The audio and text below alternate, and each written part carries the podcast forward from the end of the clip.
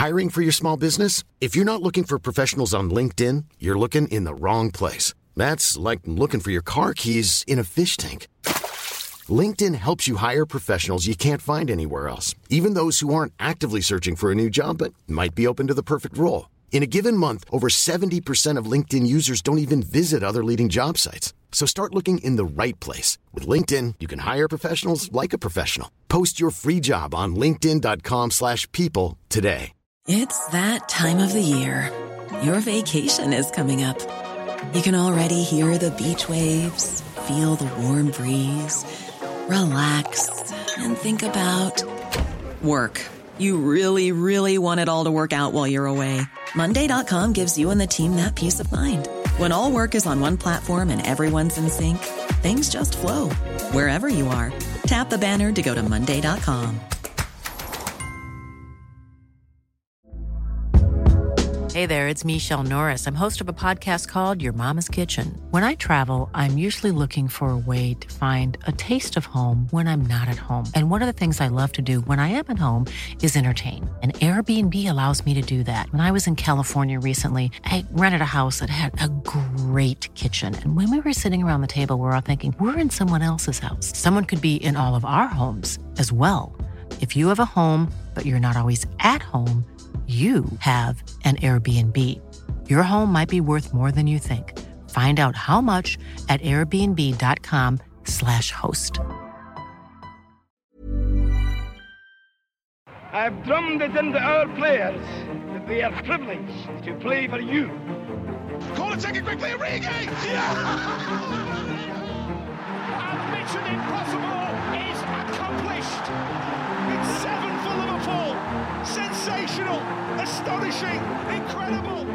Du hører på Pausepraten dokumentar fra Liverpool supporterklubb Norge. Den 4. mars 1951 kom Kenny Dalglish til verden på et sykehus i Dalmarnock, øst i Glasgow. Da han var 14 år gammel, flyttet familien til en blokk som hadde utsikt til Ibrox, hjemmebanen til favorittlaget Rangers. Forholdet til Liverpool startet da han bare var 15 år gammel. Han hadde spilt for Possel YM og Drumchapel Amateurs, og var nå i Glasgow United. Speidere hadde oppdaget Glasgow United-spilleren, og Liverpool-manager i august 1966, Bill Shankly, inviterte tenåringen ned til Merseyside for prøvespill med de rødkledde. Det var hans første tur bort fra hjembyen, og han ble plassert ti netter på et YMCA-hotell, eller KFUM som det kalles i Norge. Shankly tok han imot utenfor Anfield, før han ble sendt til å skifte, og så krabbe om bord i spillebussen som skulle ta dem til treningsfeltet Melwood. Der satt Liverpool-stjernene på rekke og rad. Roger Hunt, Ian Callahan, Tommy Smith, Ron Yates, Ian St. John. Sistnevnte var en helt for alle skotter. Shankly krevde mye av han, og kompisen hans, som også var med på prøvespillet. Han fikk spille i en treningskamp mot Southport. I kampen så hadde han en kjempesjanse til å utligne Southports 1-0-ledelse, og han skulle til å bare rulle ballen i mål da en annen unggutt, Jimmy Bauman, dukket opp og snappet ballen fra han. Bauman bommet, og Dalglish ergret seg. Shankly ville at han skulle prøvespille i enda en kamp tirsdag kveld, men da sa Dalglish nei. Den tirsdagskvelden skulle han og faren til Ibrox og se Rangers mot Celtic. Så han spurte Shankly om han heller ikke kunne spille med U16-gutta mandagskveld. Det var greit, og etter kampen mandagen kjørte Shankly og assistent Ruben Bennett han til hotellet. Ifølge Kenny Dalglish sin bok My Liverpool Home snudde Shankly seg til unggutten og sa Kenny, vi liker deg, vi tror du vil bli en god Liverpool-spiller. Vi vil gjerne signere deg. Vi sender våre skotske representanter for å prate med foreldrene dine. Dalglish satt på toget hjem igjen til Glasgow og tenkte over tilbudet, men han følte at han var for ung til å reise fra foreldrene, og han var ikke klar til å gå glipp av Rangers-kampene. En Liverpool-representant kom til huset deres et par dager senere, der Liverpool fikk et formelt nei fra hele familien. Likevel dro han på prøvespill hos Westham ikke lenge etterpå, men nei, det var heller ikke noe alternativ. Han måtte bli værende i Glasgow lengre, og kanskje Rangers ville vise interesse.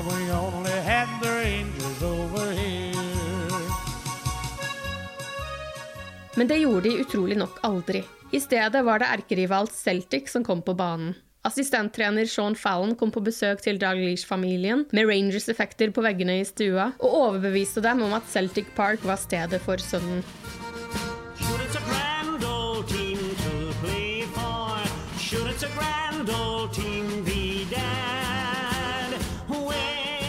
Dalglish signerte proffkontrakt med Celtic i mai 1967, bare noen måneder etter prøvespillet i England. Den første sesongen var han på utlån til Cumbernauld United, og jobbet ved siden av på et lager og som snekker.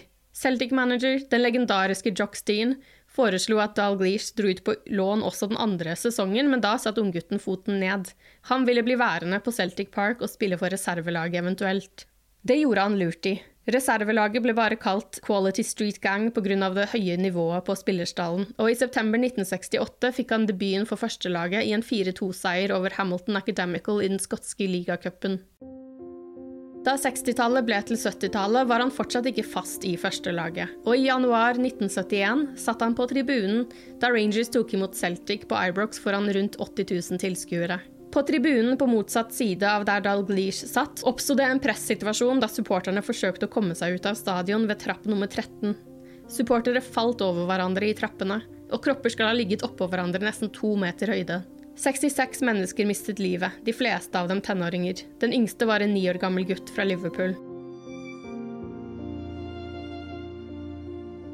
I løpet av 1971-72-sesongen etablerte han seg endelig i førstelaget. Sommeren 1974 kom nyheten om Bill Shankleys avgang i Liverpool, og den 12. august samme år ledet Shankly laget i en av sine siste kamper, i Billy McNeils testimonial-kamp på Celtic Park. Det ble altså et gjensyn med Shankly og hans enorme Liverpool-lag for Dalglish, og han fikk nok en gang kjenne på Liverpools overlegne spillestil, til tross for at kampen endte 1-1.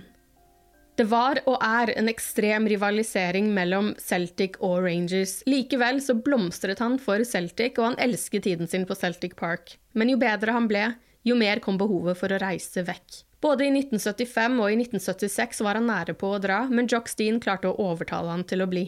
I 1975-76 ble han forfremmet til kaptein, og det var første gang på tolv år at klubben ikke vant et trofé. Men sommeren 1977 var det ingen som kunne overtale Dalglish om noe annet. Han fortalte kona, Marina, at nå måtte de dra. Nå var det riktig. De hadde to barn på det tidspunktet, Paul og Callie, som enda ikke hadde begynt på skolen, og derfor enkelt kunne flyttes på uten de største problemene. Men Jockstein ville fortsatt ikke la han dra. Celtic skulle spille cupfinale, og Dalglish måtte fornye kontrakten sin, ellers ville hele fotballverden finne ut av at han ønsket seg vekk, og det ville skape for mye oppstandelse før den viktige kampen. Dalglish gikk med på å signere en forlengelse, men han hadde ikke forandret mening. Han gikk til sjefens kontor og insisterte på å få dra, til Jocksteins store forargelse. Det var en anspent stemning mellom Dalglish og Steen, men førstnevnte kunne rømme til landslagspause i Chester. Mens han satt på hotellrommet sitt en kveld, kom det en dokumentar om Liverpool FC på TV-en. Det var dagen før europacupfinalen mot Borussia Mönchengladbach.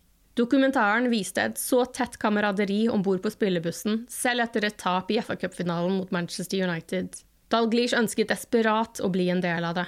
Liverpool føltes riktig, ikke bare for fotballen, men også for de mange likhetene mellom byene Liverpool og Glasgow, med sin kjappe humor, arbeiderklasse og store fotballhistorie. Og ikke minst var Liverpool FC allerede godt vant med skotter i garderoben. Det føltes riktig. Jock Steen fortsatte å gjøre livet litt vanskelig for stjernen. Da han kom tilbake til Celtic fra landslagspausen, så var han frustrert. Alle spillerne snakket om preseason-turen de skulle på til Singapore og Australia noen dager senere, og Dalglish følte at dersom han gikk om bord på det flyet, var alt håp om en overgang over. Men Steen sa at dersom han ble med, så skulle han ta noen telefoner på Kennys vegne. Men Dalglish nektet. Han ble sendt hjem fra trening, og mens resten av laget reiste til den andre siden av jordkloden, ble han igjen i Glasgow og trente med reservene. Men Steen og Liverpool-manager Bob Paisley var i kontakt. Paisley kom for å se Dalglish i en preseason-kamp i august, da Steen og førstelaget var tilbake i Glasgow. Steen tok kapteinspinnet fra Dalglish, men senere samme kveld ringte han til puben til faren til Marina, The Dart Inn, der Dalglish satt og drakk en cola. Vil du fortsatt dra? spurte Steen ifølge My Liverpool Home. Liverpool vil ha deg, kom opp til klubben nå. Dalglish dro til Celtic Park rundt midnatt, møtte Steen og Liverpool-formann John Smith. Det var tydelig at forhandlinger hadde blitt gjort bak ryggen på han, og det møtet varte totalt fem minutter. Senere skulle Steen og Dalglish reise til byen Moffat, hvor Paisley og Smith hadde sjekket inn på et hotell for å prøve å holde den kommende overgangen skjult. Det gikk sånn middels, da alle på hotellet kjente igjen Bob Paisley. Selv om ting hadde vært litt kjølig mellom Steen og Dalglish den siste tiden, var det bare gode, varme klemmer som ble delt ut da overgangen ble klar. Etter 320 kamper og 167 mål, i tillegg til 47 landskamper, var Celtic-karrieren over for Dalglish.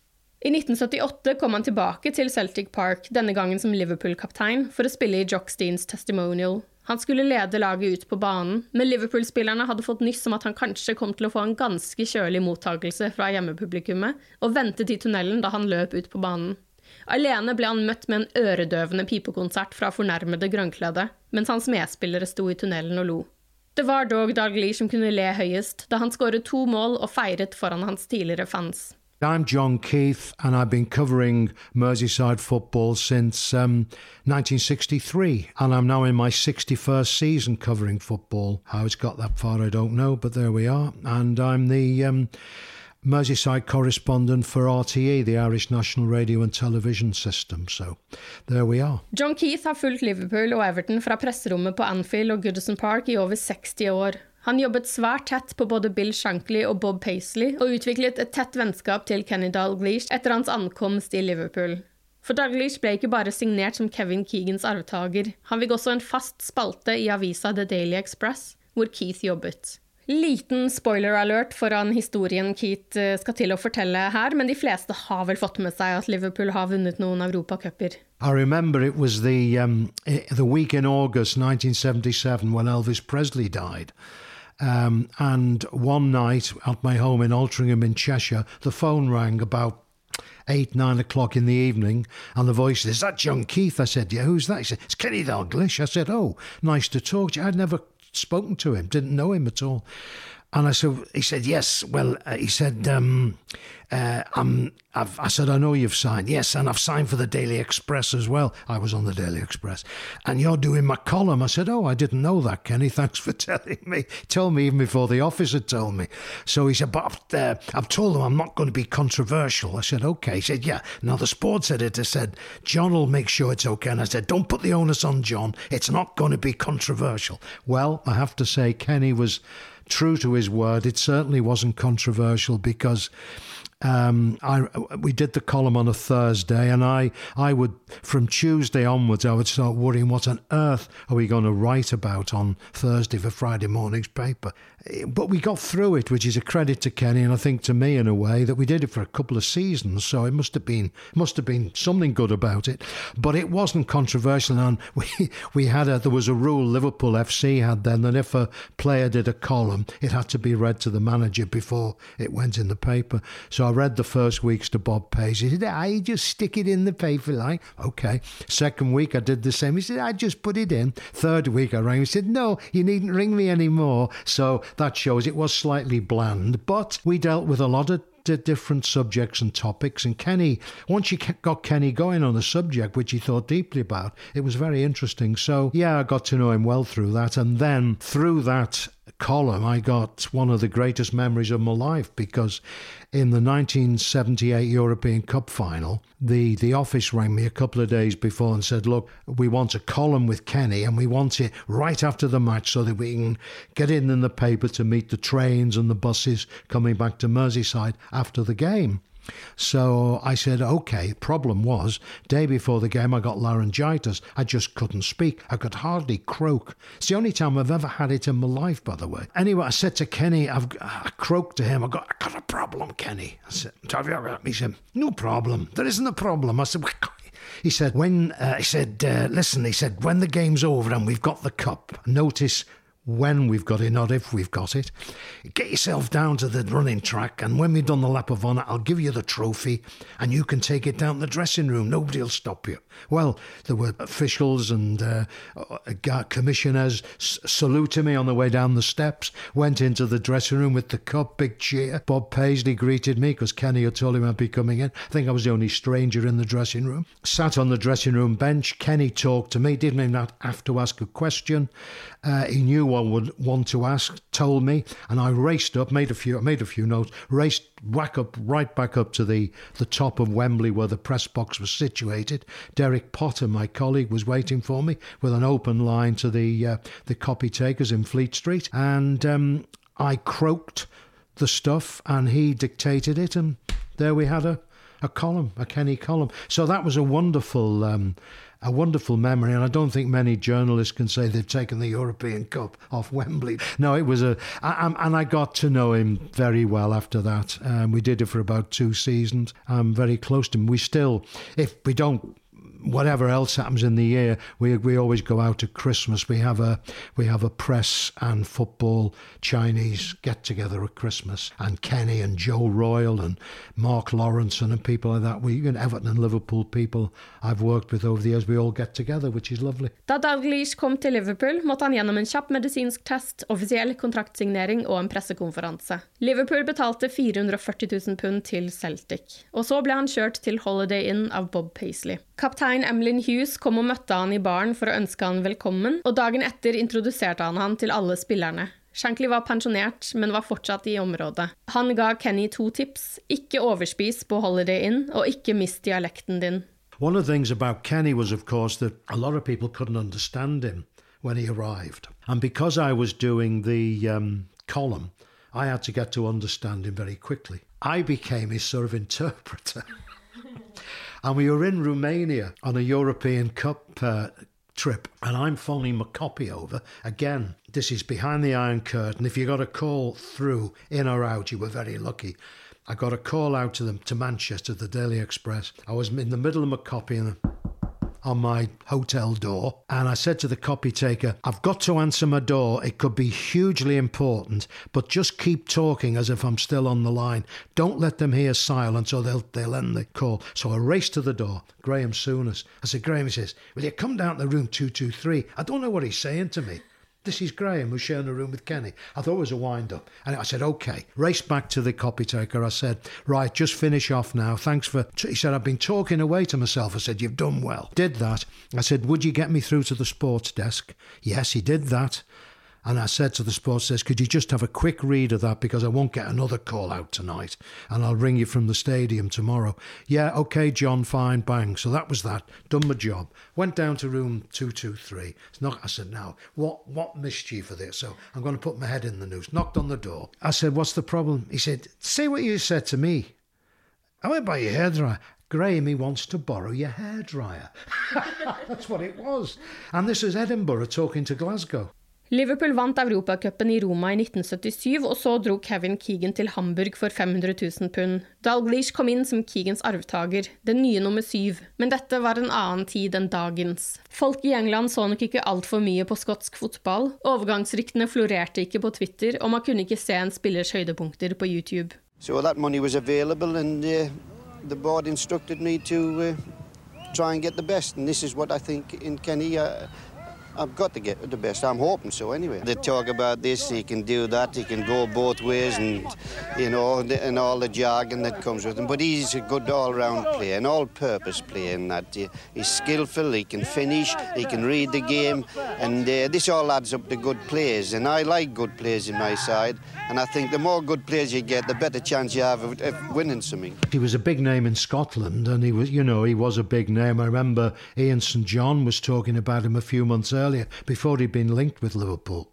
and he was talking how good he was. And uh, but you, because television then wasn't uh, what it's like now, so uh, people here wouldn't have seen a lot of Scottish football. Oh, internationally, of course, but not at club level. But I think there was enough in the media for people to know that they were getting a special player.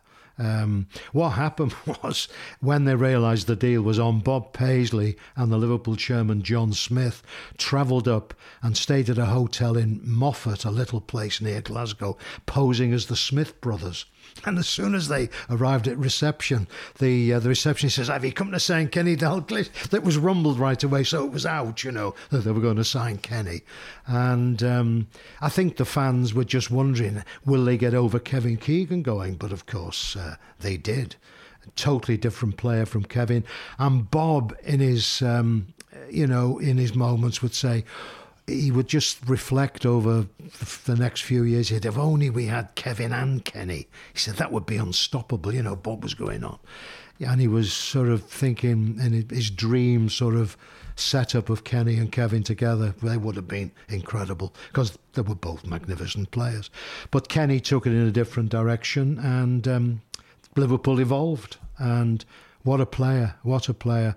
Bob Paisley used to say that he was the, from the waist down, he was the strongest player he's ever seen. And he was strong. He, he would withstand all kinds of challenges, yet very quick on the turn as well. And Bob said he, he, he's sort of a problem solver. If there was a problem on the field, Kenny would soon sort it out. Uh, he, he was just a brilliant player, fantastic player. Dalglish og Keegan fikk aldri spilt sammen, men de møttes som motstandere. Bare noen måneder inn i hans nye liv på Anfield var det Keegan og Hamburg som sto på motsatt banehalvdel i supercupen. De to møttes tilfeldig i hotellobbyen kvelden før returoppgjøret. Første kamp hadde endt 1-1. De hadde en vennlig samtale. Pressen hadde fremstilt dem som rivaler, noe som var ren fantasi. På Anfield fikk Keegan så vidt tak på ballen, og hjemmelaget vant 6-0. Senere samme sesong fortsatte Europacupen. Dalglish og Celtic hadde spilt i Europacupen, men aldri tatt seg til finalen. Med Liverpool så visste han at det ville bli en annen historie. På veien til Wembley og finalen i 1978 kjørte de forbi haugevis av Liverpool-fans på vei til Anfield South. De hadde bare fått 20 000 billetter, men skausere får alltid tak i flere billetter, akkurat da som nå. Dalglish var nervøs, på veien til den største kampen i karrieren så langt, europacupfinalen mot Klubb Brygge. Det hadde vært fælt å tape, sa han til lagkamerat Steve Highway, som så mildt sagt overrasket ut. Det hadde ikke falt han inn engang at det var en mulighet. Selve kampen var ikke spesielt minneverdig. Belgierne hadde overrasket mange med å ta seg til finalen, og det var Liverpool som var farlige. Men i mål hadde de Birger Jensen, og han satte opp en vegg. Underveis i kampen la Dalglish merke til at Jensen la seg tidlig i én-mot-én-dueller. 20 minutter ut i andre omgang utnyttet han seg av den kunnskapen. Han fikk ballen fra Sunes, og Jensen stormet ut for å møte han. Dansken forsøkte å få han til å avslutte tidlig, men Dalglish var kald og ventet til Jensen nok en gang la seg, og han kunne kippe ballen over han og i mål. Dalglish hoppet over sperringene og til supporterne og feiret. Sommeren 1980 kom Ian Rosh til Liverpool. Roshi ble også kalt Omar i garderoben for den elegante barten som kunne minne om den egyptiske skuespilleren Omar Sharif. Partnerskapet med Keegan ble kanskje aldri noe av, men Dalglish og Rosh, for en duo. We're talking about Keegan and uh, Dalglish being different. Russian Dalglish were perfectly complementary. Perfectly complementary, totally different. Uh, Rushy lean and hungry, Kenny more stocky but a different kind of player um, and ready made. The Match of the Day programme um, had a, uh, a vote amongst its. Uh, amongst its audience to vote for the best um, strike force in English football since the war, and they voted Russian Dalglish, which says a lot. And they were magnificent, absolutely. I've never seen a better one, I don't think. I boka My Liverpool Home forteller Dalglish om overtro, om å holde fast ved de samme rutinene ved seier og gjøre noe nytt ved tap. Det kunne være måten han barberte seg på, i hvilken rekkefølge han spiste kjeks og sjokolade på, hva han hadde til middag kvelden før kamp, hvilke klær han tok på seg, hvilken rute han kjørte fra Southport til Anfield, og han håpet alltid å se en bil med et brudepar, og ble fortvilet hvis han så et begravelsesfølge. Kona Marina måtte også finne seg i overtroen med å spise akkurat de samme to sjokoladerutene kvelden før kamp. På bussen på vei til stadion ville spillerne se på hvor mange biler som var parkert, og tippe hvor mange supportere som møtte opp den dagen. Ronny Moran var den som alltid kom nærmest. I garderoben måtte Dalglish kle av og på seg i riktig rekkefølge, før han og Terry McDermott gikk inn i dusjen med en ball og startet å varme opp med å sparke ballen til hverandre via flisene. Liverpool-garderoben skal ha virket kaotisk, men alt skal ha vært gjennomtenkt. Alle spillerne hadde sine faste rutiner, og det hadde managerne, og også formann John Smith, som kom inn og tok et kjapt ord med hver eneste spiller. Og dette samspillet i garderoben, dette kameraderiet, denne tilliten spillerne og støtteapparatet seg imellom, får mye av æren for Liverpools ekstreme suksess. Alle stolte på hverandre. De plaget og ertet hverandre til et vanvittig nivå i garderoben, men kunne kjempe til blods for hverandre på banen. Dalglish måtte alltid bruke det samme toalettet før kamp på Anfield. Det var toalettet til høyre, det var det han hadde brukt før kampen mot Newcastle, ligadebuten på Anfield, hvor han skåret et mål og Liverpool vant 2-0. Cop King Kenny sto det i The Mirror dagen etter Newcastle-seieren.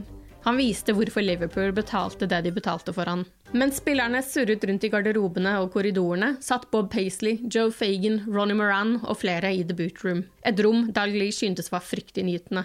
Det gamle støvelrommet ble brukt som et møterom for støtteapparatet da Fagan og Paisley mottok paller med Guinness som takk for hjelpen for å trene et lokalt bryggerilag, og støvelrommet ble brukt til oppbevaring, og konsumering og utvikling av ideer.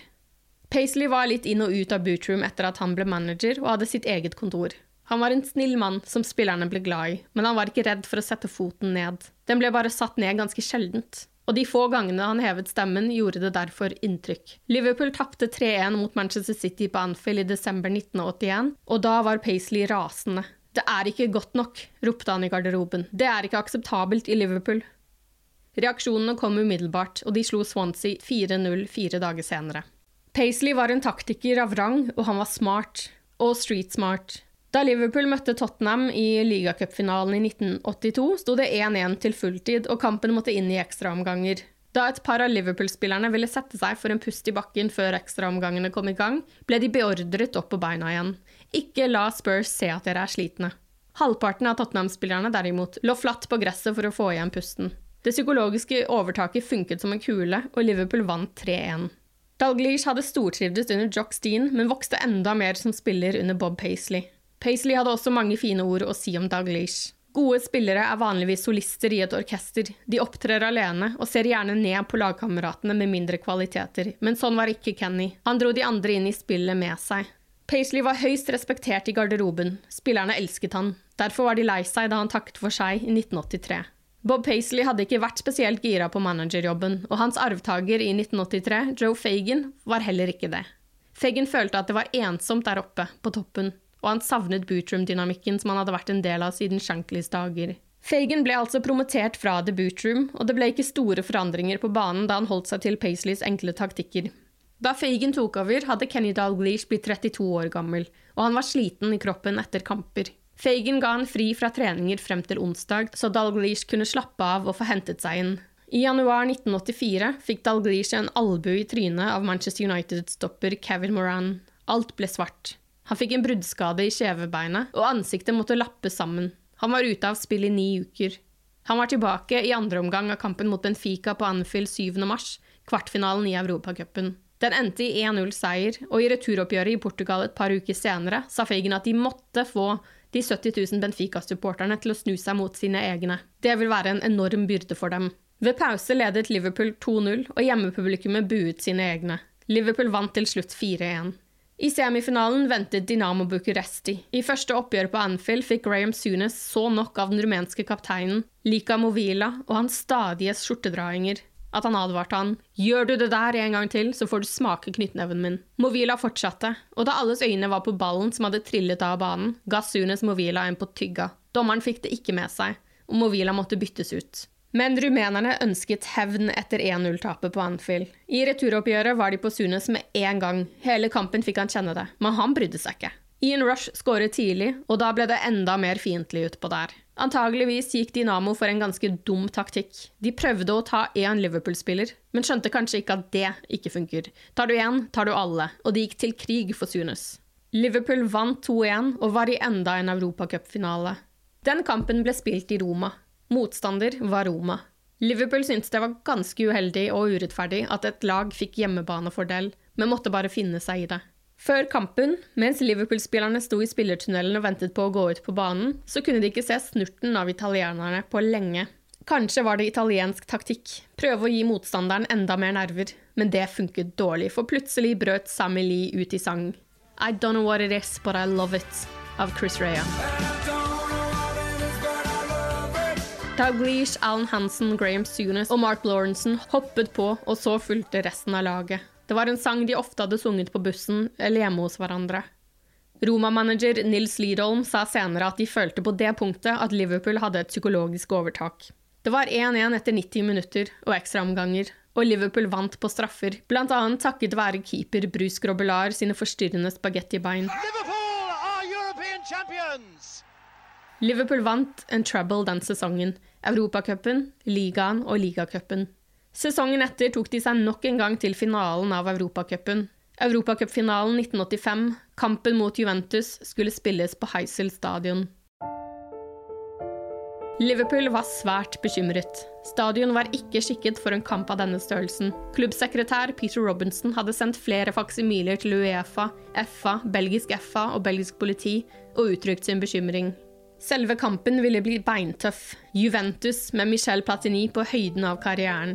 Men kampen, som Liverpool tapte 1-0, er det ikke noe særlig vits i å prate om. Robinson var bekymret, bl.a. pga. en nøytral sone rett ved siden av Liverpools supportere. Alle kunne stå der, både Liverpool og Juventus-fans. Det skulle egentlig bare være for belgiske fans, men som til alle finaler vil tusenvis av supportere flokke til byen uten billetter og kjøpe de. Det var garantert at de billettene ville havne i enten Liverpool eller Juventus-hender. Det var hovedsakelig italienere som endte opp i den nøytrale sonen. Da spillerne varmet opp, virket alt å gå fredelig for seg. Liverpools spillere skjøt ball frem og tilbake over gjerdet til supporterne. Men mens Liverpool og Juventus sine spillere trakk seg tilbake til garderoben for siste forberedelser til kampstart, gikk alt galt. Plutselig fikk Joe Fagan og Phil Neal beskjed om å komme ut på banen og gi supporterne en oppfordring til å roe seg ned. Det gjorde de. Da de kom tilbake, sa Fagan ikke gå ut. Det hadde oppstått opptøyer mellom den nøytrale sonen og Liverpool-supporterne. Det sies at det ble kastet mursteiner fra den nøytrale sonen, og at det ble viftet med en pistol som skulle vise seg å være en startpistol. Liverpool-supporterne tok seg gjennom hønsenettingen og angrep den nøytrale sonen, og de som befant seg der, forsøkte å flykte vekk, men hadde ingen steder å gå. En vegg kollapset, den ga etter etter presset for alle menneskene som desperat forsøkte å komme seg unna. Mye av aggressiviteten stammet fra året før, i Roma, der tilreisende supportere ble pepret med steiner og flasker underveis i kampen. Da de følte situasjonen gjentok seg på Heisel, valgte en gruppe supportere å ta igjen. Konsekvensene ble fatale, grusomme, og ingenting unnskylder det. I'm afraid the news is very bad from Brussels. Hooliganism has struck again, and I'm afraid the scenes are as bad as anything we've seen for a long, long time. Etter 90 minutter med meldinger til og fra, kampen er avlyst, kampen vil gå, ble det bestemt å spille fotball, i frykt for at situasjonen skulle eskalere dersom kampen ble avlyst. En helt meningsløs kamp med fotball, foran en tragedie. 14 minutter ut i andre omgang ble Juventus tildelt et straffespark for en forseelse utenfor 16-meteren, som en person fra Uefa innrømmet til Dalglish mange år senere at aldri skulle ha blitt gitt, men som ble gitt som et forsøk på å hindre at kampen skulle gå til ekstraomganger, få det ferdig så fort som mulig. 39 mennesker mistet livet den dagen. 32 italienere, fire belgere, to franskmenn og én nordire. 14 Liverpool-supportere fikk fengselsstraff. Etter en gjennomgang av hva som gikk galt den dagen, ga en belgisk dommer skylden til politikere, politiet og fotballtoppene. Track way. Etter kampen løp spillerne i garderoben og var stille, numne. Da spillerbussen fraktet spillerne til flyplassen fra hotellet dagen etter, var det rasende, sønderknuste italienere som slo mot bussen. De gråt. Stakkars, stakkars Joe Fagan. Dette var hans siste kamp som manager for Liverpool. Poor old Joe. I sat behind Joe and his wife on the team, plane coming back, and they were just in tears the whole flight. It was, it was dreadful, honestly, it really was. Terrible, terrible time. Noen dager etter tragedien ble det holdt en minnestund og støttemarkering i Liverpool Metropolitan Cathedral, og Fagan trengte konas støtte for å komme seg inn. Fagan var på vei ut, og tidligere på dagen av finalen fikk pressen nyss om det. What had happened was Joe Fagan realized that the he, he took the job at an old age for, to become a manager then anyway. And um, after one great season when they did the treble, the the first ever treble in English football, he um, he told the club that he didn't want to do another season. But this was months before Heysel.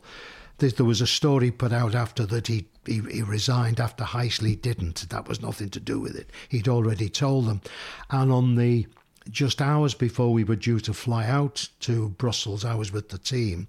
I got a tip off from a very, very good source that Joe was going and Kenny was the new manager. So I ran that in the Express on the day of the game as an exclusive. It was an amazing story and it threw things out a bit because people didn't want to talk about it on the day of the game. But it was confirmed that he was going to be the next manager.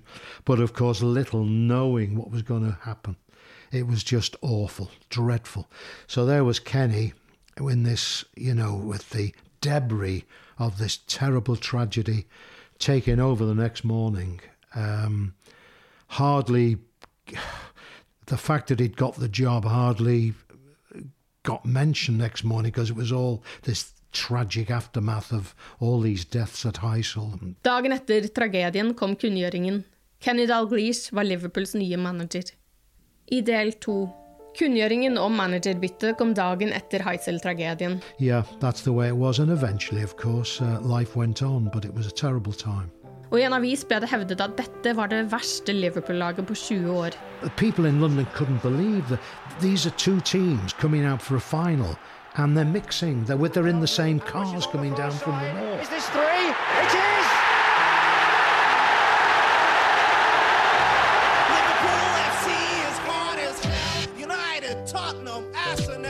Men den sesongen huskes bare for én ting det mørkeste mørket. 93 fotballfans er døde etter after Britain's worst sporting disaster. Kenny Dalglish var altså til stede på sin tredje fotballtragedie. På spillebussen hjem et par timer senere var det helt tyst.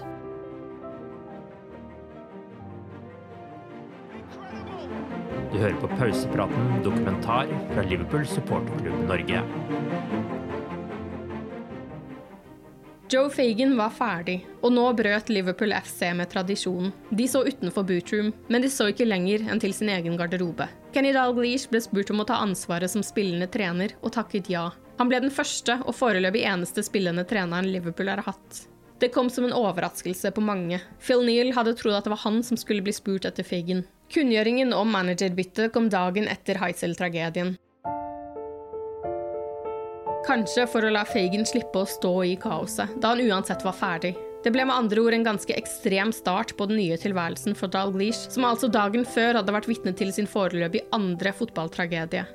Tragedien førte til at engelske klubblag ble utestengt fra europeisk fotball på ubestemt tid, og Liverpool skulle utestenges i tre ekstra år.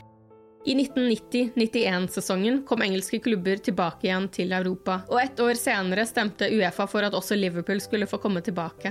Det ble altså fem års utestengelse på engelske klubber og seks år på Liverpool. Mangeårig sportsjournalist John Keith kjenner Dalglish svært godt fra sine mange år i presseboksene på Anfield.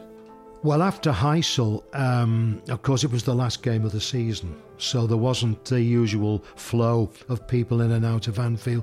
But he did. Uh, we, on the day after, I wasn't at Anfield, I was at Downing Street because uh, there was a call from Margaret Thatcher for people, journalists who were at were covering the final to go to see her to tell her what had happened, and I was one of seven radio and uh, writers who went to Downing Street to tell her to brief her what had happened.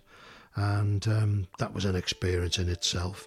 But while we were there, Kenny was meeting the press at Anfield to talk about him being manager. But of course, it, sort of appalled the question about him being manager when 39 people had died, you know. So, um, no, it was. Um, but but uh, the other great thing was that um, you know he had Bob Paisley around as well to to help him through.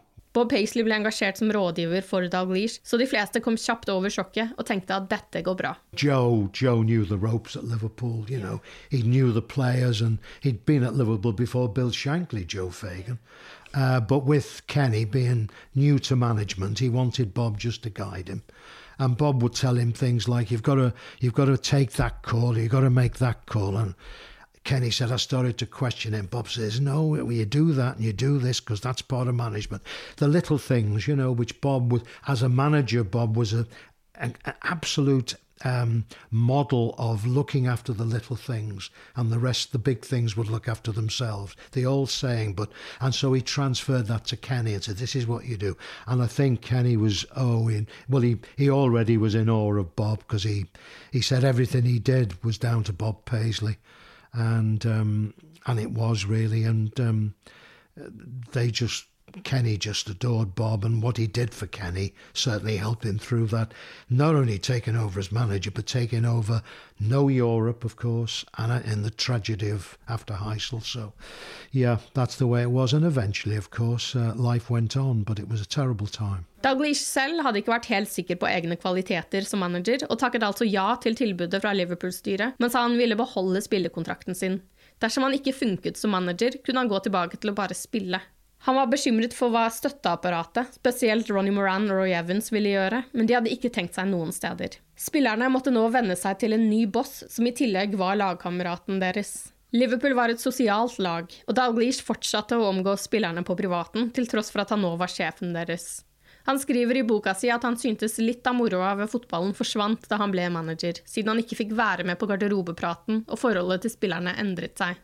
Kaptein Phil Neal, som hadde håpet å få manageransvaret, ble i tillegg fratatt kapteinspinnet. Han hadde blitt 34 år, svært erfaren, men Dalglish ville ha friskt blod i rollen. Neil var rasende, men Dalglish ville gi det til den personen han stolte mest på, nemlig Alan Hansen. Neil gikk etter hvert til pressen og sa at han ikke følte han hadde noen fremtid i Liverpool, og da Bolton slo på tråden til Dalglish og spurte om Neil kunne komme dit som spillende trener, var det det beste for alle parter. Neil forlot Anfield etter elleve års tro tjeneste til klubben. Den første offisielle kampen under Dalglish ledelse var en ligakamp mot Arsenal på Anfield. Han inviterte Joe Fagan til å komme som gjest, og selv om han ikke ville, han var fortsatt dypt preget av det som hadde skjedd i Brussel. Så kom han og tok Dalglish i hånden, ønsket han lykke til. Alle fotball-Englands øyne var rettet mot Anfield den dagen for å se hvordan stormaktens nye prosjekt skulle lykkes. Lagoppstillingen var stort sett full av allerede etablerte Liverpool-navn, inkludert han selv, pluss Jan Mølby. Mølby hadde signert ett år tidligere fra Ajax, men ikke funnet sin plass, og satt og stampet med reservene. Dalglish gledet seg enormt til å ta han inn i varmen igjen. En annen spiller han ønsket å ta inn, var Craig Johnston. Australieren med en lidenskap for musikk, fotografi, og som var tidlig ute med å fokusere på en sunn diett. Han forsøkte å få Dalglish til å oppmuntre spillerne til å spise sunnere, men Dalglish visste at det var en tapt kamp. Aldri i verden at Jan Mølby, Allen Hansen og co. ville gi fra seg en steak and pie og fish and chips. Johnson var sin egen verste fiende, da han i dårlige perioder virkelig ville grave seg selv ned i negative tanker. Dalglish gjorde det han kunne for å holde ham positiv, og har fått mye skryt for sin man-management. Liverpool vant 2-0 i Dalglish sin første kamp mot Arsenal, og manageren hadde til og med assist på mål nummer to, skåret av Steve Nicol. Men så stagnerte det litt. Liverpool tapte mot Newcastle, QPR, Arsenal og Manchester City over en lengre periode, og i en avis ble det hevdet at dette var det verste Liverpool-laget på 20 år. Likevel holdt de følge med teten. I februar tapte de mot Everton. Naboen lå på toppen av tabellen, så tapet var ekstra surt. Dalglish syntes at balansen mellom å spille og å være manager var litt vrien. Dersom han ikke startet selv, ble han sittende på benken og kjenne på anspentheten. Det var som om hele kroppen stivnet, og han klarte ikke å fokusere på oppvarming på sidelinjen heller, siden han hele tiden måtte følge med på det som foregikk på banen. Han bestemte seg for at han enten startet en kamp, eller så spilte han ikke i det hele tatt. Det var enklere å bytte seg selv av banen enn inn. He played for a couple of seasons, um, and then gradually, the last season, I think it was 88, 89, 87, 88, I think it was. I think he made a, just a couple of sub appearances, and that was it. But in his first season, he played a lot of games. As he was the, the first player manager in Liverpool and only in Liverpool history. Um, in fact, on Merseyside, Everton and Liverpool, there's only ever been two. Howard Kendall played seven games as player manager, and Kenny, oh, Kenny played a lot more than that, but they're the only two player managers ever. But he, he gradually realised that, you know, playing days were getting shorter and shorter, so he eventually stopped playing up totally and, and then let it just carry on being manager only. Paul Walsh spilte en god sesong i 1985-86, men så brakk han håndleddet på våren, og Dalglish måtte ta hans plass for resten av sesongen. Han spilte de siste ni ligakampene, kampen mot mållinjen og ligagull. Etter tapet mot Everton i februar hadde Liverpool spilt elleve ligakamper og bare avgitt poeng i et uavgjort mot Sheffield Wednesday. Dersom de vant på Stamford Bridge på sesongens siste dag, ville de bli ligamestere. Foran nesten 44 000 tilskuere i London ble det skåret ett mål. Målskårer Kenny Dalglish. Yes! Liverpool vant ligatittelen, to poeng foran Everton. The player manager scores the goal that may edge Liverpool nearer to their 16th championship. En uke senere måtte de reise tilbake til London for å møte nabo Everton i et Mercyside Derby i FA Cup-finalen. Dette var en tid hvor begge de to Mercyside-lagene var i storform. En gledens tid for menn som John Keith. Oh, it was amazing. The, the 80s was quite remarkable because they were probably, it, it's an irony that when there was no European football for English clubs, Everton and Liverpool in the mid 80s were probably the two best teams in Europe, but they couldn't compete in Europe. um, which is all very sad. But um, Howard and Kenny were great rivals, but very friendly. There was no rancor, no bitterness. And um, it's exemplified that the relationship between the clubs by at the top Peter Robinson, the chief exec at Liverpool, and Jim Greenwood, the chief exec at Everton, they were so friendly that when there was a fixture clash, listen to this, this is interesting. When there was a fixture clash, they would toss up, but they do it on the phone so that they knew it's.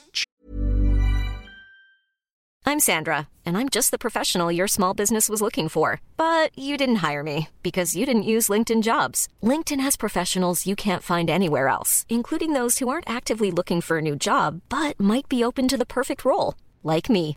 In a given month, over 70% of LinkedIn users don't visit other leading job sites. So if you're not looking on LinkedIn, you'll miss out on great candidates like Sandra. Start hiring professionals like a professional. Post your free job on linkedin.com/people today. Millions of people have lost weight with personalized plans from Noom, like Evan, who can't stand salads and still lost 50 pounds. Salads generally for most people are the easy button, right? For me, that wasn't an option. I never really was a salad guy. That's just not who I am. But Noom worked for me. Get your personalized plan today at Noom.com. Real Noom user compensated to provide their story. In four weeks, the typical Noom user can expect to lose one to two pounds per week. Individual results may vary. Hey there, it's Michelle Norris. I'm host of a podcast called Your Mama's Kitchen. When I travel, I'm usually looking for a way to find a taste of home when I'm not at home. And one of the things I love to do when I am at home is entertain. And Airbnb allows me to do that. When I was in California recently, I rented a house that had a great kitchen. And when we were sitting around the table, we're all thinking, we're in someone else's house. Someone could be in all of our homes as well. If you have a home, but you're not always at home, you have an Airbnb. Your home might be worth more than you think. Find out how much at airbnb.com/slash host. Eatable, but they knew neither of them would cheat. So they'd say, uh, Jim, are you going to toss? I don't mind, you toss. All right. So he tossed and me, so I'll shout heads. And it's, oh, it's come down tail. So they'll be openly honest with each other. And that, I think that just personifies the, um, the wonderful relationship there was then between the clubs. And for us, of course, it was so busy because there was a story every day, every afternoon. You know, stories changed by the day. It was just remarkable, absolutely incredible. And of course, during the 80s, we had Wembley Merseyside finals as well, which um, the first one was the Milk Cup final in 1984 when. Um, some wag uh, on a on a southbound motorway exit sign put a big placard up saying, "Will the last one out switch the lights off?" you know, it was lovely. It was all, but it was all friendly. And then, of course, they would chant at Wembley, "Merseyside, Merseyside." So it just shows you there was wonderful. Um, unity between the clubs and the fans. Hele Merseyside var i London den dagen. Det kunne i hvert fall virke sånn. Rødt og blått i bilene, på tribunene, hånd i hånd. People in London couldn't believe that these are two teams coming out for a final and they're mixing. They're, they're in the same cars coming down from the north. They don't do that in London. So it, it, yeah, it was great, absolutely. The only thing they were upset about in that first final was that uh, the price of a pint in London was about 85 pence, but it was much cheaper on Merseyside. it doesn't seem much now, 85p, does it? But there you are. Everton dominerte i første omgang og tok ledelsen med Gary Lineker. Da spillerne gikk i garderoben, husket Dalglish på noe Paisley hadde fortalt han. I motgang så er det ofte best å prate rolig til spillerne, for de må få konsentrere seg om det du sier. Hvis en manager kjefter og smeller hele tiden, tar ikke spillerne det inn lenger. Derfor snakket han rolig til de slitne spillerne, og fortalte at de var så nære på å gjøre en god sesong til en fantastisk sesong. I andre omgang våknet Liverpool, med to mål fra Ian Rush og ett fra Craig Johnston. Is!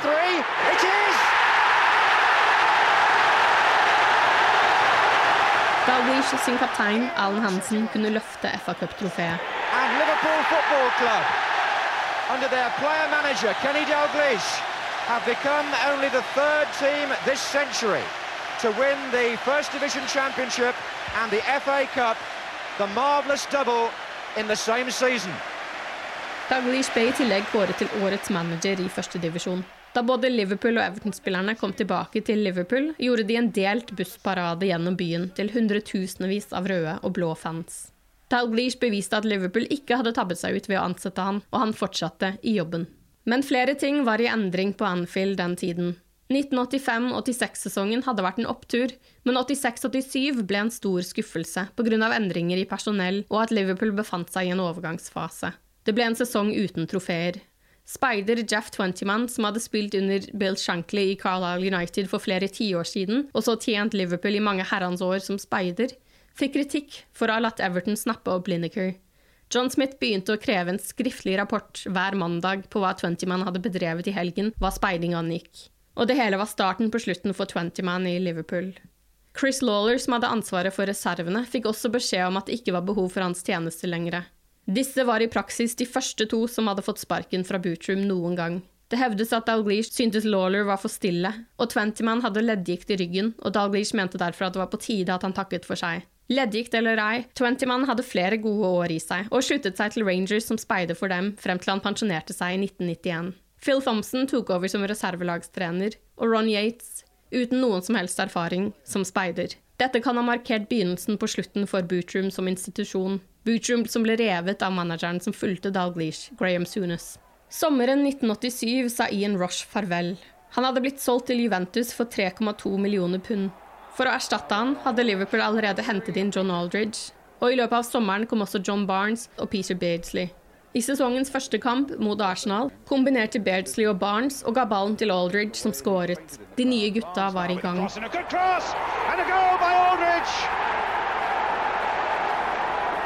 Well, the new strike force, although Aldridge was there for a part of last season,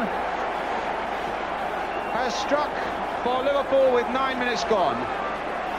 John Barnes, the new man from Watford with the cross, and Aldridge, the He brought in players like Barnes, Beardsley, Aldridge, and Houghton. Terrific players. Wonderful players. I mean, they changed the shape of Liverpool and the culture of Liverpool. Senere samme sesong spilte de en kamp mot Nottingham Forest, som regnes som en av de mest overlegne kampene til Liverpool FC. Football is so crisp and clean between these two teams because passing is the name of the game for both of them. Beardsley, oh, he seems to be able to find space and find Aldridge. And that is another superb Liverpool goal. Peter Beardsley made it, John Aldridge scored it, and as with everything Liverpool do, it looks simple, but it was of a quite stupendous quality.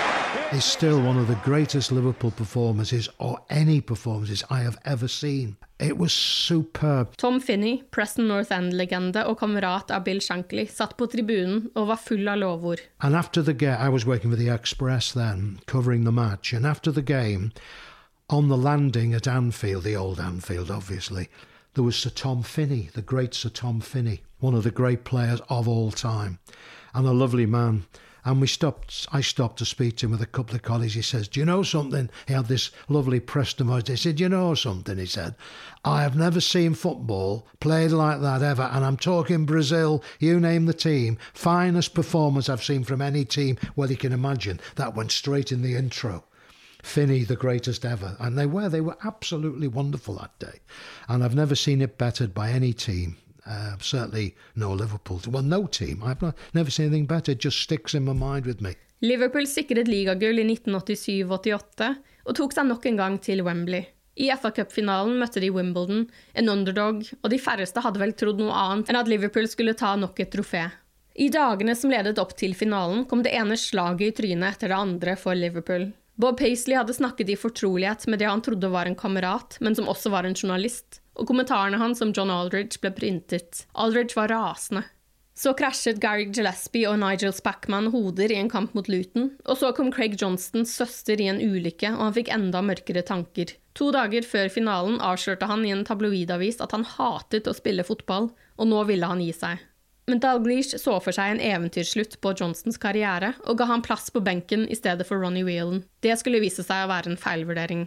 Det var dog én positiv ting som kom i dagene før finalen, nemlig The Anfield Rap. Cupfinalesangen er fortsatt legendarisk den dag i dag, med John Barnes sin rapping. Liverpool FC is hard as hell. United, Tottenham, Arsenal.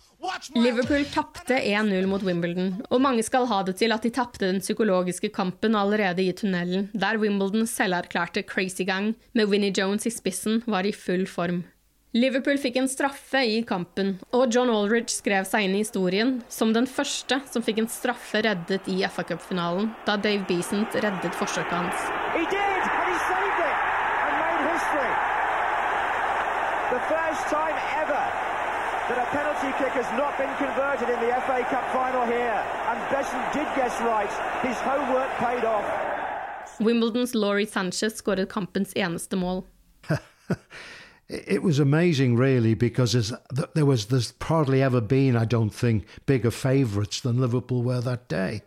And of course, we've got the sort of the factors built in about John Aldridge penalty, and you know, um, but Wimbledon, where they were the upstarts then, and they did do these things. You know, they came to Anfield and won, and they they beat Everton at Plough Lane, and um, they were just upstarts. But they were they were sort of romantics in a way. They did play the long ball, and um, but of course, it was a terrific upset. It was it wasn't very good, but there you go, that's football, really. Sommeren 1988 kom Ian Rush tilbake, etter at han aldri helt fant seg til rette i Italia. Dalglish fikk spørsmål fra en journalist om hva Rush hadde sagt om tiden i Juventus, og da sa Dalglish at han sa det var som å spille i et annet land. Det sitatet tror mange at Rush kom med selv, men det var altså bare Dalglish som spøkte litt.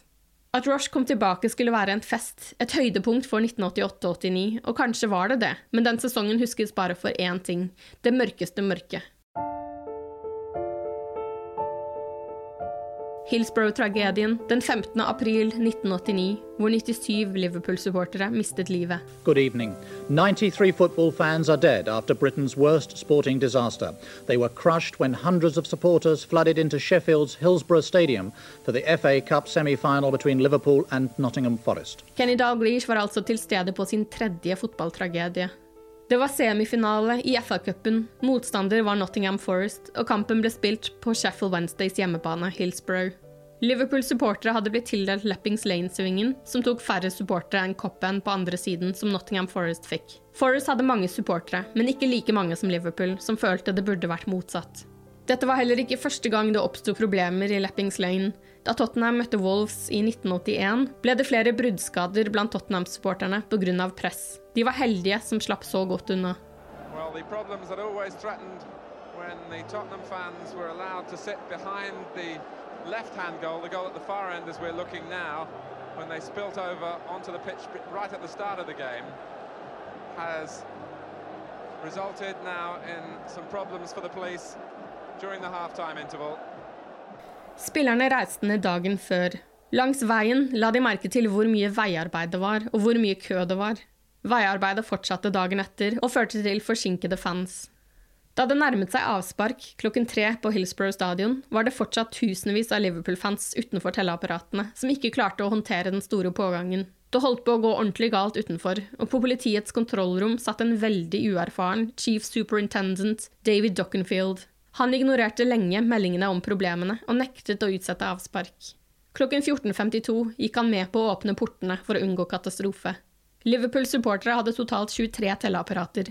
Forrest hadde 60. Liverpool-supportere stresset med å komme seg inn i tide, og de fleste tok korteste vei til ståtribunen og innhegning tre og fire bak mål. Ingen vakter grep inn for å omdirigere folkestrømmen. De to midtre delene av ståtribunen ble overfylt til dobbelt av kapasiteten. Supportere ble klemt mot gjerdet foran tribunen, flere mistet fotfestet eller ble trampet ned. Noen ble løftet opp til tribunen over, andre forsøkte å klatre over gjerdet og ut på banen, noe Dockenfield ba politiet om å sette en stopper for. Liverpools spillere ble først klar over problemene fem på tre, da Bruce Grobelar og John Barnes varmet opp ved mål nær Leppings Lane. Grobelar og supportere ropte mot politiet om å åpne nødutgangen, men de ble ignorert. Kampen startet som planlagt, men uten det enorme brølet som gjerne kom fra Liverpools supportere. And welcome Hillsborough. The sun has come out to greet you, and referee Ray Lewis is indicating to the teams that uh, they will be playing in the directions in which they're set at the moment. Liverpool, the sensational news. We Da Peter Beardsley traff tverrliggeren fire minutter inn i kampen, var det ikke det vanlige stønnet man hørte fra supporterne. The game had only just started when the first casualties began to arrive onto the pitch, and for a while play carried on because no one realized the horror of what was happening in the terraces. En supporter klarte til slutt å ta seg inn på banen og tryglet om å stoppe kampen. Grobelar ba nok en gang politiet om å åpne nødutgangene. Seks over tre kom en politimann inn på banen og ba dommer stanse kampen og sendte spillerne i garderoben. And the police are on the pitch to tell the referee to stop the proceedings because the, uh, there is danger here that the crowd is going to encroach upon the pitch because of overcrowding at the back of the goal and the referee is taking the players off the field. So this FA Cup semi-final has been interrupted after six minutes because of uh, crowd problems here. Capacity of Hillsborough 54,101 and it would appear that too many of them are on that På banen var det en krigssone. I stedet for å hjelpe sto politiet hånd i hånd på tvers av banen for å hindre trøbbel.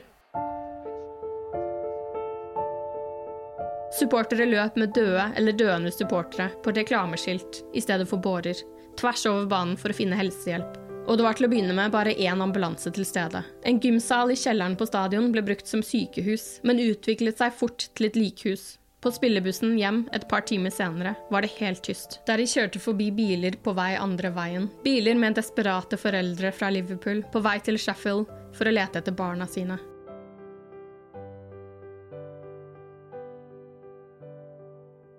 I del tre Kenny Dalglish slet med å sove natten etter kampen på Hillsborough 15.4.1989. Så begynte begravelsene. Det ble satt opp en turnus som sørget for at det var en representant fra Liverpool til stede i hver eneste begravelse. Marina og Kenny would sit there and speak to them. Now, they weren't trained counselors, and that grief was being overloaded onto them. Spillerne reagerte på at Dalglish var uvanlig stille i garderoben. Sannheten var at han hadde bestemt seg. Han ville slutte. And when you think about it, Kenny took over in tragedy, the tragedy of Heysel, and it was the tragedy of Hillsborough that led to him leaving as well as manager. Det var tydelig at det ikke var fotballen, men spesifikt Liverpool han måtte vekk fra. Dalglish var tilbake der hvor han vant nesten alt, og nå vant han ligatittelen med Blackburn, til tross for at Liverpool vant kampen 2-1. Kenny Dalglish has led Blackburn to the championship in defeat. Og hele høsten 2010 var det ett navn som ble ropt fra The Cop, Dalglish.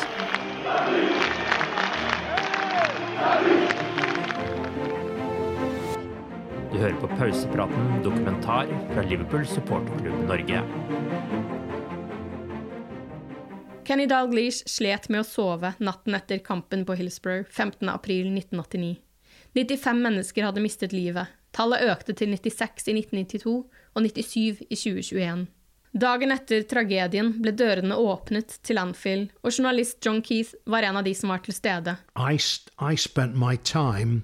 Every day was was no change. Every day i got up had breakfast went to anfield. Came home at night got up next day went to am because there was something happening every day. And we saw the families arrive. Oh it was heartbreaking heartrending and the pitch was transformed from a football pitch to a garden of remembrance. And we were stationed in the press box, and we saw these families coming in and going out, and more families coming in. And then downstairs, they were being led into the players' lounge, and the players trying to comfort them, and Kenny and Marina, of course, always there. It was. Um, Oh, on, well, you will never forget things like that. I never will. Blomsterhavet vokste og vokste på Anfield-banen. Dalglish fikk kosebamsene til barna Kelly og Paul og bandt dem til målstolpene. En lounge på Anfield ble gjort om til et møtested for de pårørende. Dalglish minnes en kommentar fra en etterlatt. Han var en grinebiter, men han vil være fornøyd nå når han kan titte ned fra himmelen og se alle kampene gratis. I know that after Hillsborough, he and Marina, I've, I've actually witnessed it, they would actually counsel families. You saw, I mean, I was very privileged. I was one of only five journalists after Hillsborough who were allowed uh, to come and go from Anfield as we wished. Peter Robinson, the secretary, chief executive, made sure, which was very, very good because even some of the BBC people and ITV weren't allowed in, but five of us were allowed.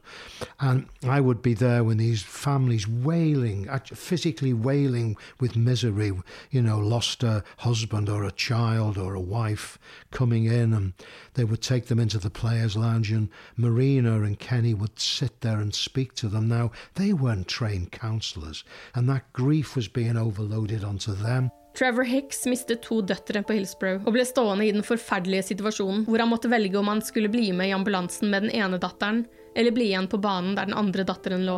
Spillerne ble dypt preget av avisens bilder av supportere, annet av to kvinner som var presset opp mot et gjerde. De to kvinnene pleide å stå utenfor Malwood og be om autografer.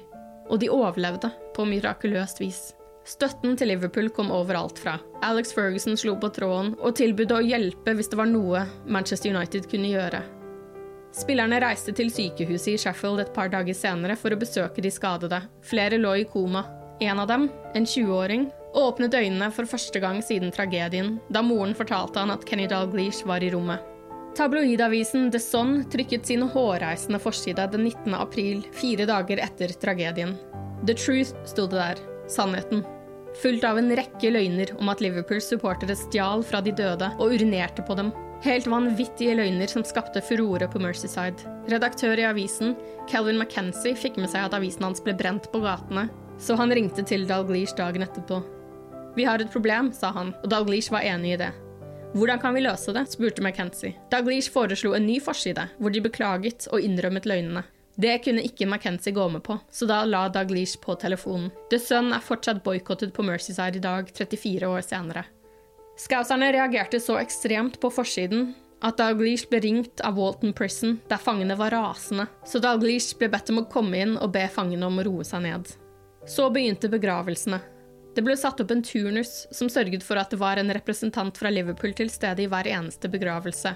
Det ville være enten Dalglish, en spiller eller kona til en spiller. Den første begravelsen Dalglish gikk i, var til en 19 år gammel gutt i Crosby, sammen med John Aldridge, John Barnes og Gary Ablett. Dalglish og kona Marina gikk i fire begravelser på én dag.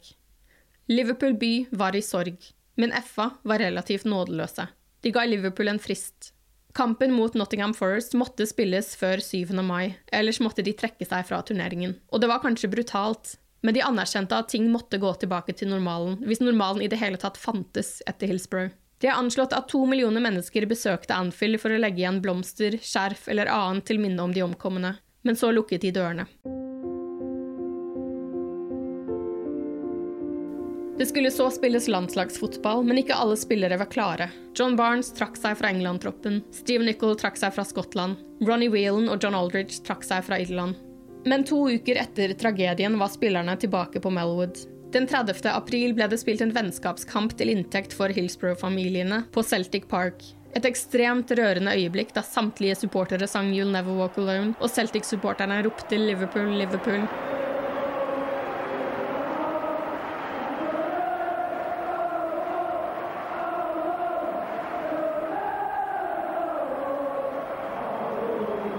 I den første offisielle kampen etter tragedien møttes Liverpool og Everton på Goodison Park. Det var perfekt at det var den støttende naboen som sto på motsatt banehalvdel, og på en måte fint at kampen endte 0-0. Ingen var sure.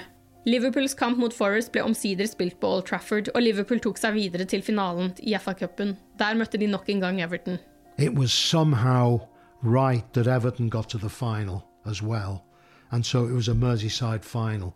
Because for the semi final, I was at the other semi final at Villa Park between Everton and Norwich.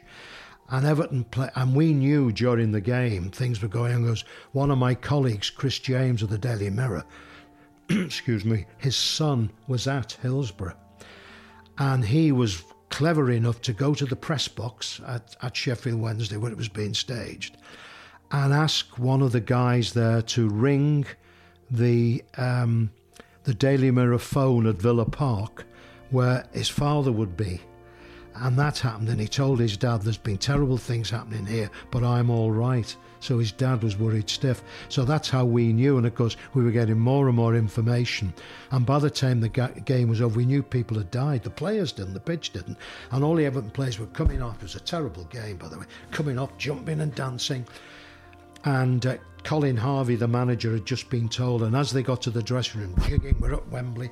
Colin said, sit down, stop singing, dancing. People have died at the other semi final, so we don't know what's going to happen. And the whole thing changed from then on, Marie. It was, it was, um, it was a terrible time. Liverpool vant finalen over Everton 3-2 etter mål fra John Aldridge og to fra Ian Rush. Dalglish har sagt at det er det trofeet som har betydd mest for han i karrieren. At det var en god følelse å kunne gi Liverpool-supporterne noe å glede seg over. Samtidig hadde de siste ukene understreket hvor feil Bill Shankly hadde tatt, med sitt kjente sitat om at fotball er viktigere enn liv og død, noe heller ikke Shankly egentlig trodde på. No, I mean, obviously, if, if you're there, you want to win, don't you? Everton were very upset that they didn't win, and Liverpool delighted they did. But I don't think it really went a lot.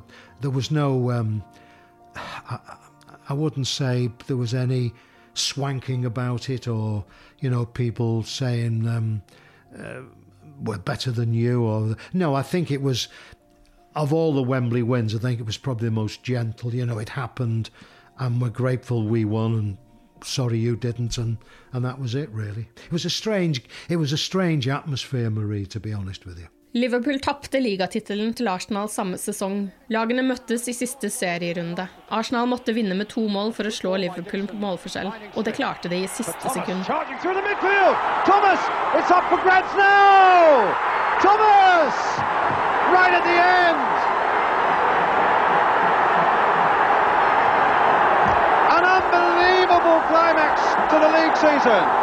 Well into injury time, the Liverpool players Again, you, you couldn't write the script for that. That the it was done with the last kick of the season, not only the match, it was the last kick of the season, Thomas's goal. It was just unbelievable that we could hardly take it in. I don't think anybody could take it in that they'd they'd lost with the last kick of the season, um, and they and they they lost by superior number of goals scored. It wasn't on point, it wasn't on goal difference, it was superior number of goals scored. You couldn't get another, more wafer thin distinction between the clubs. Men var det i det hele tatt noe vits i å bry seg? After Hillsborough, it was a kind of a, it was a kind of a phony time. There was football, football went on, but um, it, it was people were thinking of the tragedy. That overshadowed everything. I 1989-90-sesongen ville de fokusere på fotballen igjen. Aldridge dro til Real Sociedad, og partnerskapet Rush Batesley funket fint på topp. Liverpool tok sin 18. ligatittel den 28. april 1990. Den 1. mai spilte de mot Derby, og Dalglish satte seg selv på benken, men byttet seg inn da det gjensto 19 minutter. Det var hans aller siste kamp i den røde trøya, og for en anledning. Det var dagen de fikk ligatrofé. I, have been privileged because I, I saw the great Billy Little play. And what a fantastic player he was. Played in every position except in goal for Liverpool. Billy Little, Kenny Dalglish, Stephen Gerrard, I would say would be probably would be the best three players I've ever seen play for Liverpool. But there's others just shades below. I mean, Graham Souness was a fabulous player, not so great as a manager, but as a player he was superb. Uh, and there's so many others. I mean, Hunt and St John, when you think of them as great uh, strikers together, another great strike force. Then you think of Hansen and Lawrenson at the back, goalkeepers, Clements, Rayner, you know. But I would say Little, Dalglish, and Gerrard would be my top three for the sheer contribution they made on the pitch. De røde var ikke spesielt imponerende i 1990-91-sesongen, spesielt etter sine egne standarder, men i februar 1991 så lå de på toppen av tabellen, tre poeng foran Arsenal. I fjerde runde av FA-cupen møtte de Everton på Anfield. Kampen endte uavgjort, og det måtte omkamp til på Goodison Park. Det var et nervedrama av en hesblesende kamp som endte 4-4. Spillerne reagerte på at Dalglish var uvanlig stille i garderoben. Han var dypt i egne tanker, ikke egentlig til stede. Sannheten var at han hadde bestemt seg. Han ville slutte. He later explained to me, because I had a radio show, he and Marina came on, and Kenny told me about the fact that he'd got shingles, but he just said he, he couldn't go on. His, you know, his mind was exploding. And um, after that 4 4 draw, I noticed on the night at Goodison, he wasn't himself after the game because we weren't ourselves. There was goals going in right, left, and centre. And um, it was just ridiculous. And when we got down to the dressing room, because there were no stage press conferences then, but they used to be done in the dressing room corridor, Marie. Catch as catch can as players and managers came out of the dressing rooms.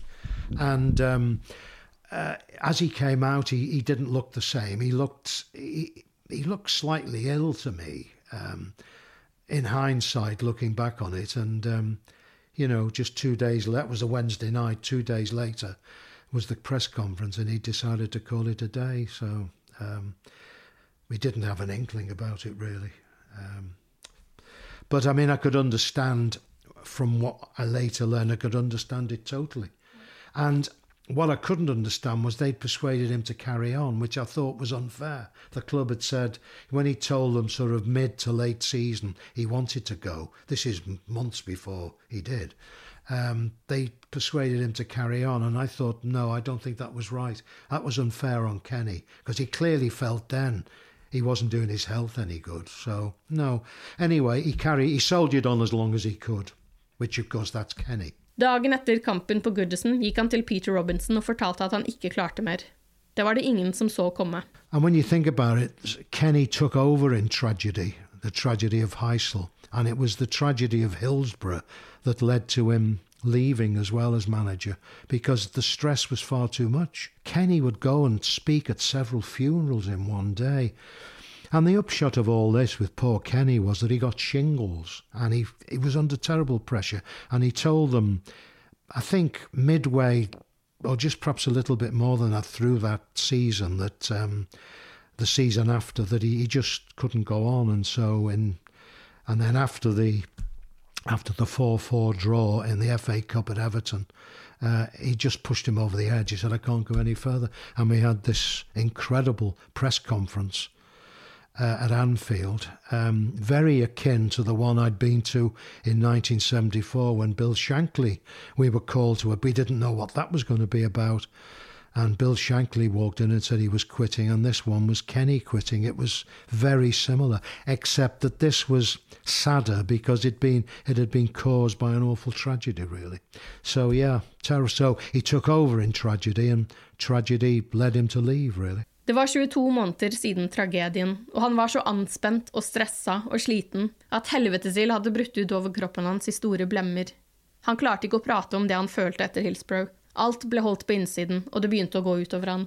Styreleder Noel White annonserte til pressen at det er med stor skuffelse vi ble fortalt at han ønsket å si opp som manager. Jeg vil understreke for våre supportere at vi gjorde alt for å få han til å endre mening, og fortsette å gjøre jobben som han har vært så suksessfull med de siste fem årene. Dalglish satt ved siden av White og lurte på hvorfor han trengte å være der i det hele tatt. Alt han ønsket seg var bort, bort, bort, bort.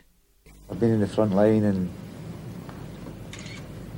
and, and for 20 years, and it's just really a result of 20 years active involvement in football at a very high and successful level that really um, kind of reaches a person has pushed himself to their limit. Dette er første gang jeg tenker på Kenny Dalglish sine interesser fremfor Liverpool sine, sa Dalglish på pressekonferansen. Hovedproblemet er presset jeg legger på meg selv, av mitt sterke ønske om å lykkes. Ronny Moran ble bedt om å ta over midlertidig, frem til en permanent løsning ble funnet. Det var derfor Moran som ledet laget da et andre returoppgjør ble spilt mot Everton, fortsatt i FA-cupen, denne gangen tilbake på Goodson Park, hvor de blå trakk det lengste strået og vant 1-0. Dalglish hadde vært ærlig om hvorfor han ga seg. Likevel klarte ikke pressen å la være å spekulere. Til slutt ringte han inn til Radio City for å sette skapet på plass. Dalglish-familien dro på ferie til Disney World i Orlando, og mens de var i Florida, fikk Dalglish nyss om at Sunes hadde fått jobben som manager. Da kjente han på anger. Bare åtte måneder senere ble Dalglish ansatt som manager for Blackburn Rovers. Det var tydelig at det ikke var fotballen, men spesifikt Liverpool han måtte vekk fra. Yeah, I think he needed to recharge his batteries and, and for the game. Sometimes that doesn't take very long. You, you know, you, you know yourself, if you've had a hectic week, just a weekend can you feel refreshed on the Monday or whatever. Um, with him, it was a few months, and um, you know he felt he needed to do it. So good on him. He did very well too. Dalglish trivdes i Blackburn, men da Peter Robinson kom på besøk i 1993, ble Liverpool-savnet stort. Dalglish fortalte at hvis de ville ha han tilbake, så var det bare å spørre. Men de spurte ikke. Han følte seg aldri helt hjemme i Blackburn, men han trivdes. Han likte lyden av latter fra garderoben og spillebussen. Da han kom til Blackburn var de i andredivisjon, men de rykket opp igjen samme sesong. Sommeren 1992 signerte de Alan Shearer, og de endte på en fjerdeplass i nye Premier League. Etter hvert kom Tim Flowers og David Batty inn i troppen, og før 1994-95-sesongen kom også Chris Sutton. Well, Jack Walker, of course, the guy who funded it. I suppose you could say he made it possible with the money, but Kenny was the man who got the players to do it. I mean, he had Shearer and Sutton, you know, the SAS as they called it. Uh, Alan Shearer and Sutton, Sutton up front with terrific, terrific uh, players. Great partnership. And, um, oh no, uh, Kenny was uh, tremendous manager. He knew football inside out. He knew. I think what he'd gained from Bob Paisley was a sense that sometimes you don't have to buy the two most expensive players or the most expensive players. You need to buy the players who have a chemistry that will gel, that will, will go together, will dovetail. Because Bob had a love. Bob used to compare um, players to horses because he was a big horse racing man and he'd say like, "Well, when they send uh, when they send a thoroughbred to the races, they don't put another thoroughbred in with him in the in the horse box. They put a donkey in." I said. He said, but you've got to do that with players. You've got the very expensive player, like the Kenny fella, he'd say, the Kenny fella, and you've got a Jimmy Case, but he'll dig ditches for you, and Kenny will put the ball in the net. And I thought, yeah, you, you don't buy star names every one, every time your ones that gel who'll help the star names play better. And I think Kenny used a bit of that in teams he built, you know, and uh, well, he must have done because he, he was successful, and that's the way you get success, isn't it, really? Dalglish satt rett og slett sammen et knallsterkt lag, og på sesongens siste dag sto det mellom Blackburn og Manchester United om hvem som ble ligamester. Manchester United møtte Westham, men klarte ikke å vinne som de måtte. Og Blackburn, de møtte Liverpool på Anfield. Dalglish var tilbake hvor han vant nesten alt, og nå vant han ligatittelen med Blackburn, til tross for at Liverpool vant kampen 2-1. They were delighted because Manchester United were at West Ham that same day, and they could have won it. And there was a stage when they were going to win it. And uh, oh, the, I remember there was transistor radio. Um, because uh, again it's pre-mobile phones and all and you know uh, they got the transistor radio thing and then spread around the ground. Man united have gone ahead and uh, you know they're going to win the title and we knew liverpool couldn't win it. Um, so um, uh, when um, when it came through that uh, they hadn't and Blackburn had won the title they went mad. The cop went mad cheered Kenny. It was just it was bizarre really but then they loved Kenny Dalglish, still do, always will, Marie. So no, it was a it was a very another very strange experience. And again, you know, you can't script it with Kenny. It just these things. If you wrote that in a script before it had happened, you'd say, "Don't be so stupid. Tear that up. Deal in reality, wouldn't you?" No, not with Kenny. Things like that happen with Kenny. Amazing. They have drawn at West Ham, and I've never seen a manager happier when his team has just conceded a goal. Kenny Dalglish has led Blackburn to the championship in defeat. Late opportunity for Alan Shearer. He's looking across, he's just missed a chance and he's smiling. This is an unbelievable afternoon. Truth is stranger than fiction sometimes in sport. They're losing this game and they're hugging each other in delight. David Ellery calls a halt at Anfield. Liverpool have beaten Blackburn Rovers and it doesn't matter because Blackburn Rovers are champions. Ronnie Moran and Kenny Dalglish, who spent the best years of their working lives together, all the Liverpool people. Shearer, Jason... And how much more did it mean the fact that you achieved it here at Anfield on the last day of the season? Well, everyone knows my feelings for the club, Liverpool Football Club. Uh, if we couldn't have won it, you'd be part of this, would have been the next choice to take. And the people there are staying there, applaud the lads and, and give them uh, the recognition that they deserve because of Kontrakten hans i Blackburn gikk ut etter sesongen, og han ønsket ikke å fornye den. Senere jobbet han 20 måneder som manager i Newcastle uten noen stor suksess, og han fikk sparken. Han var også fotballdirektør i Celtic et år, fra 1999 til 2000. Og så ble det stille fra Dag Dalglish. På hjemmebane gikk Daglish-familien gjennom en vanskelig situasjon da Marina fikk brystkreft og måtte få cellegiftbehandling. Hun ble helt frisk fra kreften, og startet Marina Daglish Appeal, hvor hun samlet inn penger til å pusse opp Center of Oncology på sykehuset i Aintree. Hun fortsatte å samle inn penger for andre kreftsykehus, og ble belønnet med en MBI fra dronningen i 2009.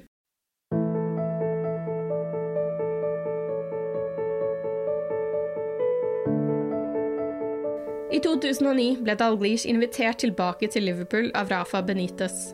Dalglish ble akademiambassadør. Han skulle hjelpe og inspirere ungdommen. Å dukke opp på hjemmekamper var også en del av rollen, til Dalglish store fornøyelse. Sommeren 2010 var Rafa Benitez ferdig som manager på Anfield. Dalglish var i et møte med styret og la navnet sitt i hatten. Nei, sa Christian Perslow og styreformann Martin Broughton. Han var skuffet, men han trivdes på akademiet også. I stedet kom Roy Hodgson inn. Det lakk til pressen at Dalglish hadde meldt seg, og hele høsten 2010 var det ett navn som ble ropt fra The Cop – Dalglish.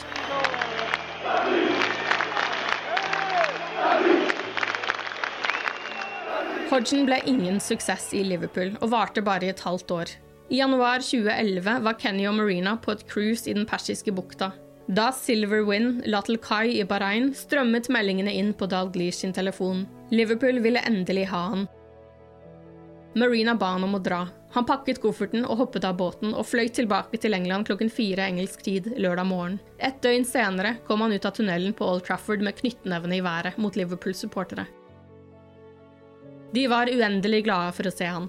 Også Alex Ferguson var glad for å se den gamle kollegaen, og de to tok en drink etter kampen. På banen gikk det ikke veien den dagen, men Liverpool var gjenforent med kongen. Han ble ansatt på midlertidig kontrakt, men ble tilbudt en treårskontrakt i mai 2011. I don't think he had the best team because he came between Hodgson and Rogers.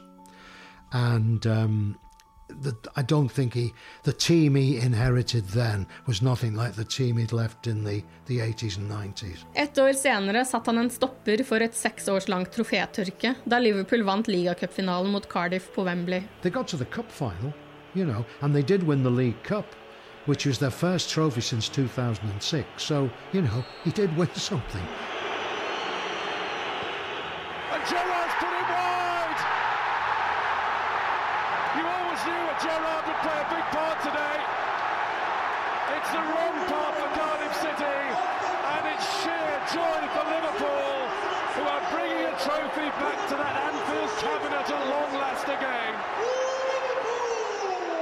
Han ba også Arsen Wenger om å pisse off tydelig på TV-kameraene da Wenger klaget på et sent straffespark til Liverpool på Emirates.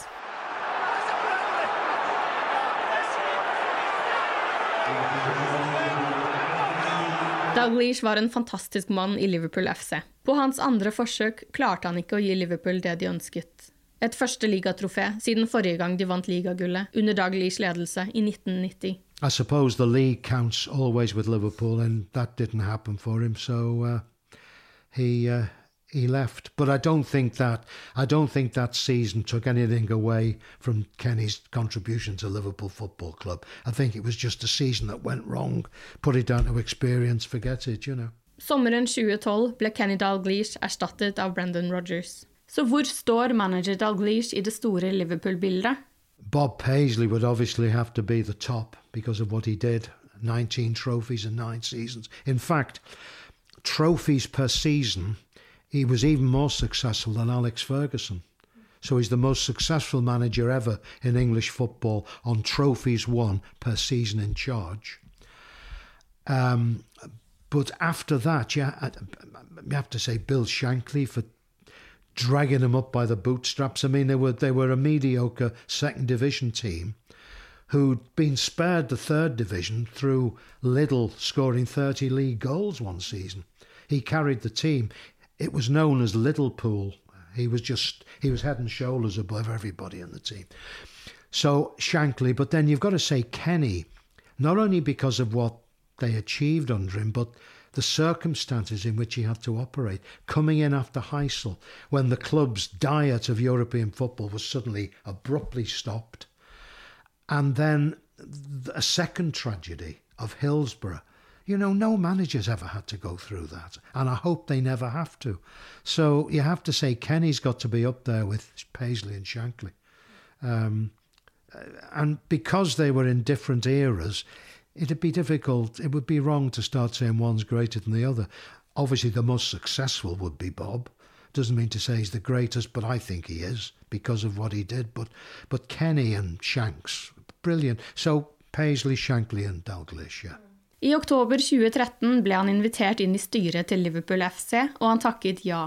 Det er en ære og et privilegium å bli spurt om å komme tilbake til Liverpool som direktør i klubben. Jeg har alltid sagt at dersom det er noe jeg kan gjøre for klubben, vil jeg være tilgjengelig, sa Dalglish da det ble kjent. Han sitter fortsatt i styret den dag i dag, ti år senere, og dukker opp på tribunen på de aller fleste hjemmekampene.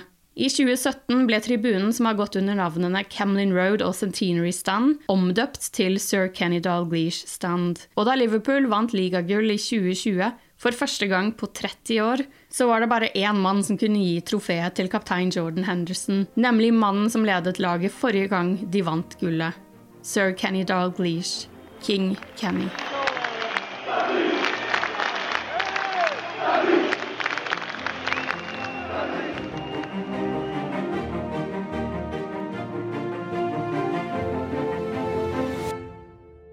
The best word I can say, but uh, will describe this was boom. Ooh, what was this? It was really good.